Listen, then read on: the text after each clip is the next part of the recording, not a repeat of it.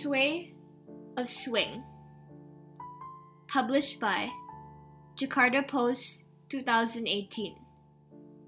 Translated by Liswindio Apendicaesar. Narrator Ilona Jolin Surjora Harjo.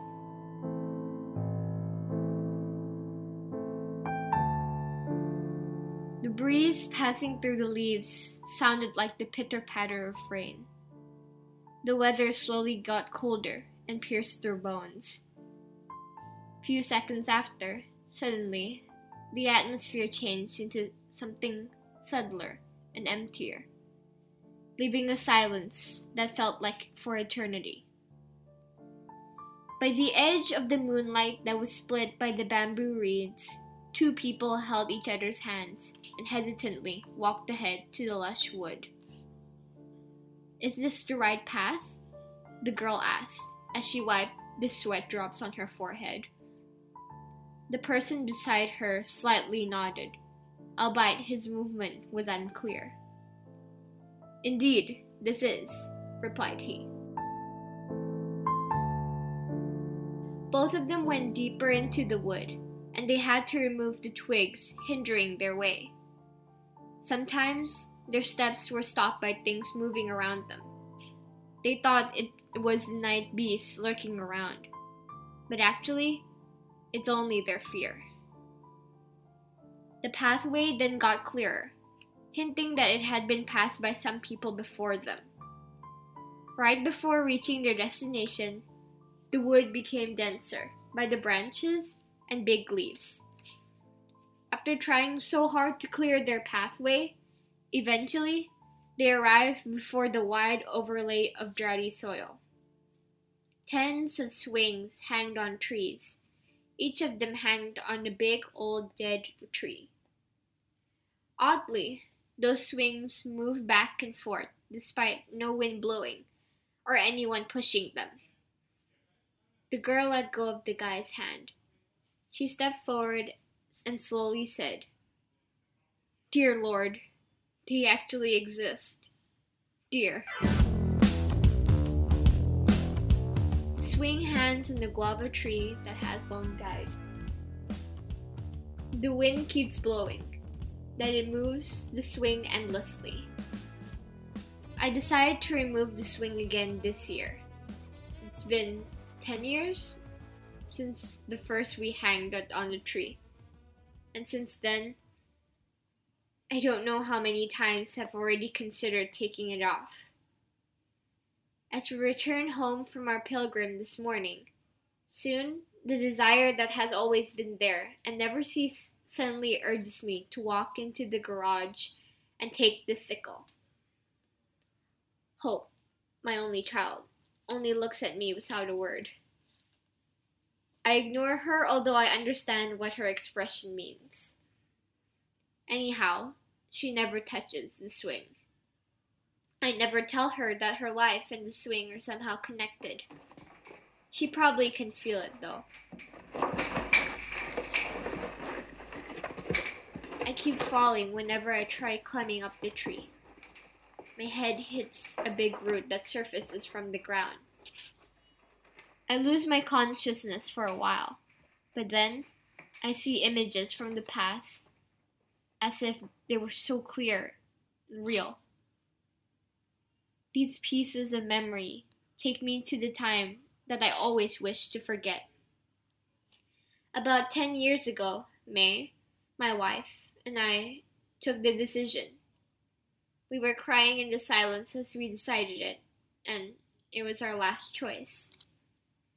I wish this would be our last endeavor, my dear, May whispered to me.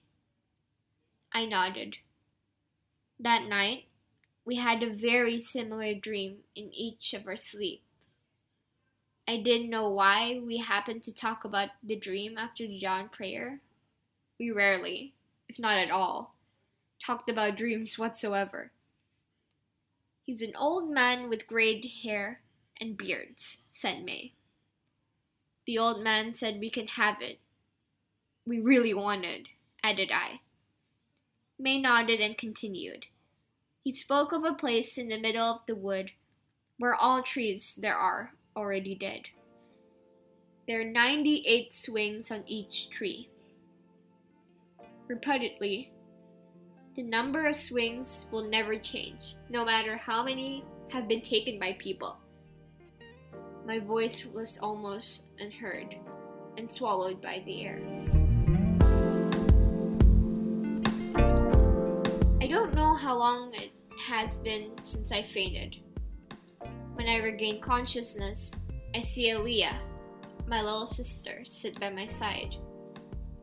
What happened to you? Her question strikes me as I'm trying to recollect my memory. Mrs. Salmon saw you fell, so she shouted, asking for help. Slowly, I start remembering everything. Why did you even carry a sickle? I was going to cut off the swing. My voice sounds hoarse, but my answer turns her silent for a moment or two. Why didn't you tell me? I've told you so many times to chop down the tree, as well as the swing. They're an eyesore for the view. I can only nod to her. I know she has never agreed since the first time May and I placed the swing there. Of course, I don't blame her. Our house is small, with a yard of only 40 square meters. It's just odd to have a swing under a big tree there. However, May and I really had a justified reason for that. It was our endeavor, Al. I remember her, hoping she would stop shouting at ears. Just consider this as inducement. Since then, Aaliyah never talks about the swing anymore although I know she still dislikes it.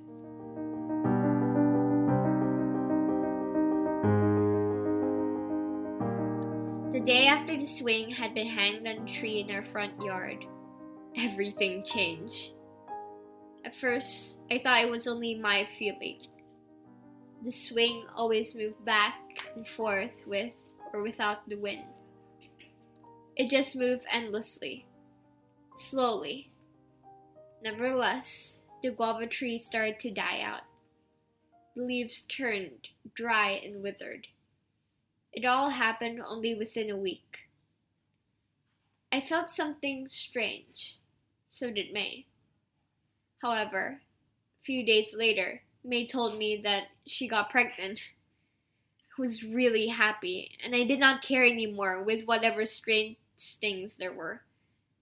Our neighbors spread rumors about the swing, but I couldn't care less because of my overjoyed feeling. Any children try to ride the swing always fall. As the dust falls, the mm. atmosphere around the swing mm. feels mm. strange. We didn't bother whatever they said. Eventually, the child we had been waiting for was born. We named her Hope.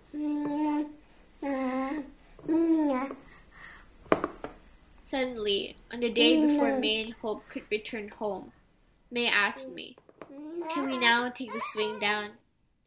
I could see the flash of fear in her eyes. As I arrived in the afternoon, I grabbed the sickle in the garage and was ready to cut off the rope that hung the swing to the tree. The rope, however, looked rusty and old, was readily. The rope however looked rusty and old, was really tenacious. I lost count how many times I fell each time I tried to cut it off. On the very same day, I was late to find out that May fell from her bed in hospital. Her head hit the periphery of the bed made of metal. It was around the same time when I tried to cut off the rope. She got up and eventually returned to the bed but she was gone right before she pushed the emergency button to call nurses. I arrived there only to see her sleep for eternity.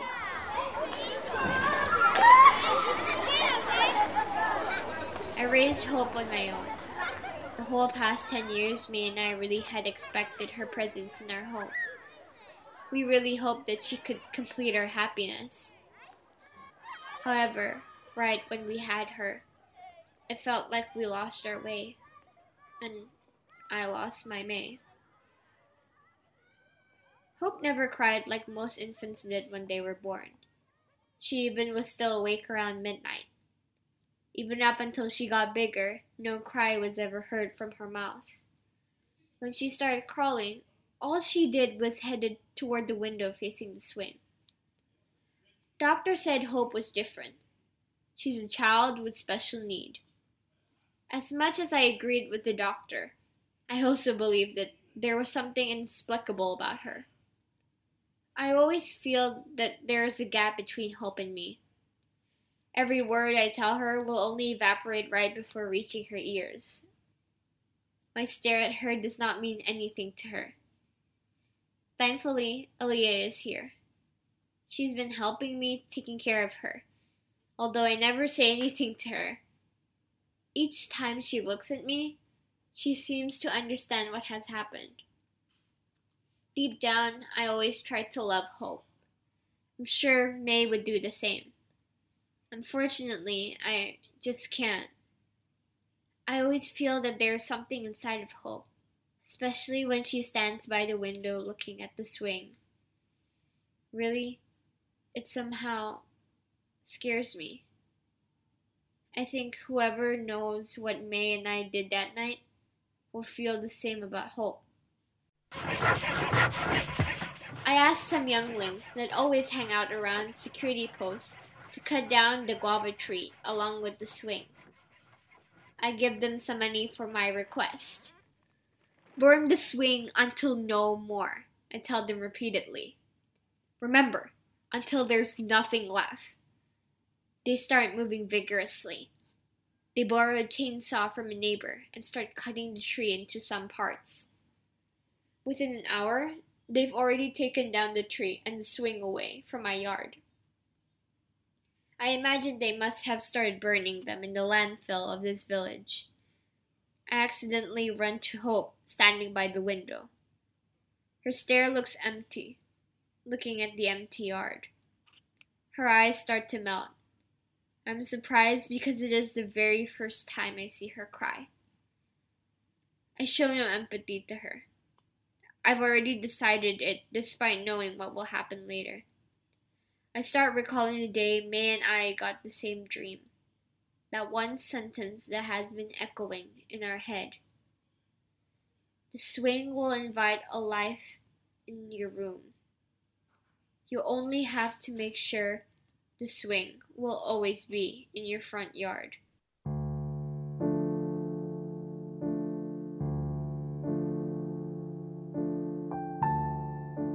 I go to sleep with readiness in my heart.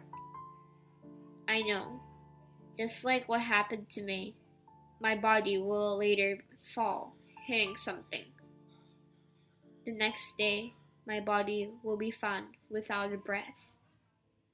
Aaliyah will be the first one to find, and hope maybe will look at my body with pleasure, just like how she smiled the day I found May's dead body lying in hospital.